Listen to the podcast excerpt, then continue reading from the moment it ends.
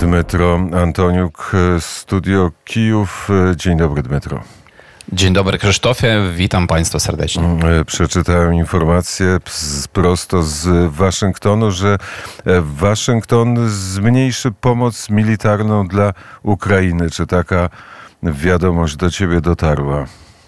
Jak najbardziej. E, to w, e, informacja, która płynie z Pentagonu, czyli z Ministerstwa Obrony e, Stanów Zjednoczonych i oni piszą, mówią o tym, że oni już wykorzystali 95% środków przeznaczonych na pomoc wojskową dla Ukrainy.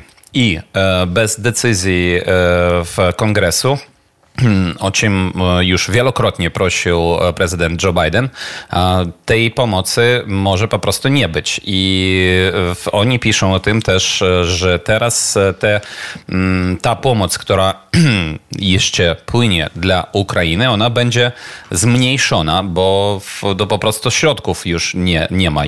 Pozostało w Pentagonie według jego, według informacji stąd około jednego miliarda E, dolarów dla pomocy Ukrainie. No i e, my też oczekujemy, że w połowie e, tego miesiąca odbędzie się kolejne spotkanie w ramach Rammsteinu, gdzie też spodziewamy się na pomoc od innych też partnerów Ukrainy zachodnich, od, przede wszystkim od krajów Unii Europejskiej. Czy to jest tylko moje wrażenie, czy ty też masz wrażenie, że zmieniła się ta otoczka międzynarodowa wokół Ukrainy?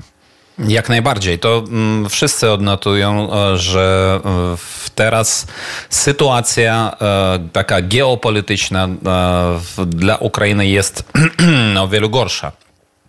I E, no, chociażby wspomnimy nie tylko Węgrów, a i wspomnimy też e, Słowację. E, Słowacja ostatnio nie przekazała przewidywaną też pomoc wojskową dla Ukrainy, która była przeznaczona jeszcze w, przez poprzedniego ministra obrony tego kraju, no ale kiedy przysz, przyszedł do rządu Robert Fico, to e, już e, tej pomocy nie ma. Chociaż też jest informacja o tym, że taka pomoc dla Ukrainy od Słowacji jest wygodna dla Słowacji, dla e, gospodarki tego kraju, bo oni przekazują to nie za darmo, a sprzedają po prostu.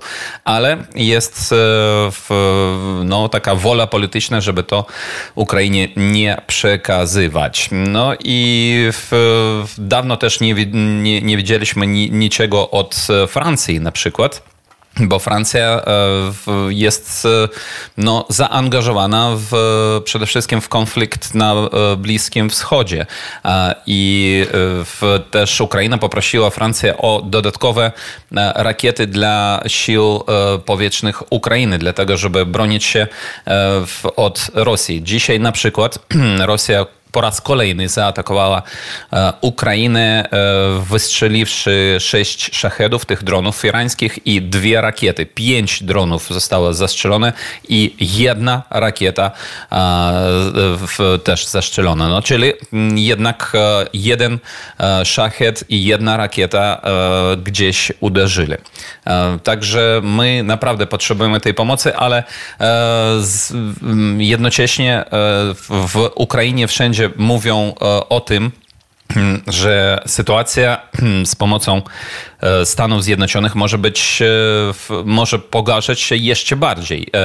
Tym, jeżeli na przykład do, do władzy tam przyjdzie Donald Trump, to my musimy po prostu być gotowi na to. I my musimy być gotowi produkować swoje, swoje pociski, swoje, swój po prostu ciężki, ciężki sprzęt, dlatego żeby stawiać czoło agresji Rosji. E, czyli e, generalnie, czy można tak powiedzieć, że nastroje w Kijowie się zmieniły, nastrój twój i nastrój e, twoich najbliższych znajomych?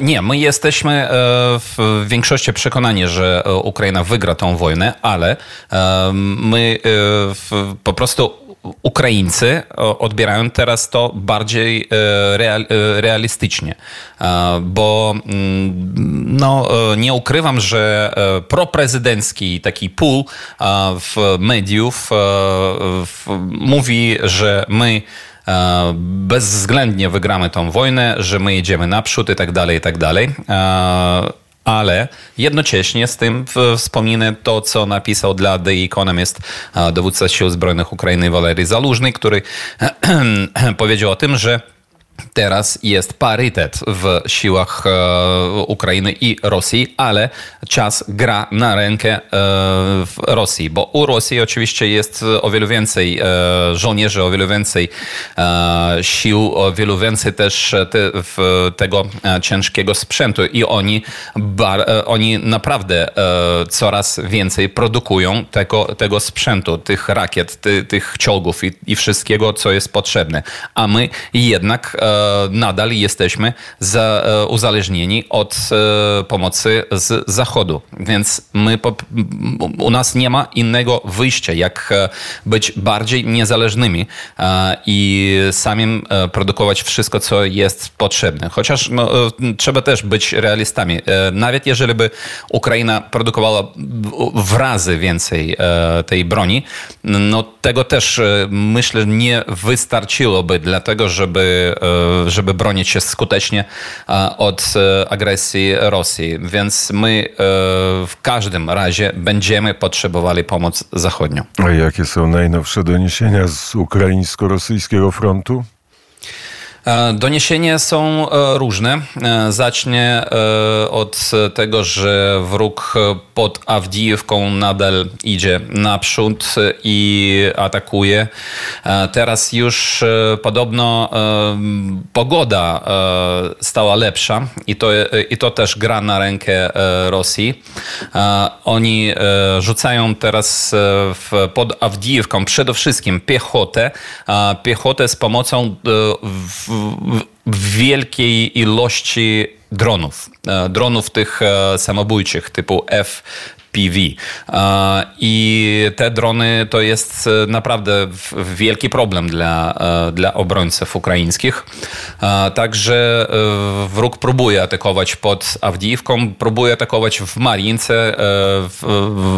Marin, Marinka jest w większości okupowana przez wroga, ale gdzieś około 20% tego miasta całkowicie zniszczonego jest pod naszą nadal jeszcze kontrolą i mam nadzieję, że tak będzie i, na, i, i dalej. Ale widać, że wróg atakuje e, w Awdijewce e, i z północnego, północno-zachodniego i z południowo, południowo-zachodniego mm, e, odcinku tego frontu, próbując wziąć miasto w kleszcze. Też wróg próbuje atakować i na odcinku frontu charkowskim, tam e, w kierunku e, Kupiańska i widać, że wróg atakuje, też e, próbuje polepszyć swoje, swoje pozycje na kierunku mariupolskim. No, gdzieś paręset metrów oni mają znów zdobytych, tam gdzie jeszcze niedawno była ofensywa ukraińska. Natomiast Trzeba powiedzieć, że my e, nareszcie mamy jakieś też sukcesy e, na kierunku e, Melitopolskim, czyli w obwodzie zaporożskim. W, tam pod pod miejscowością Nowopokrowka.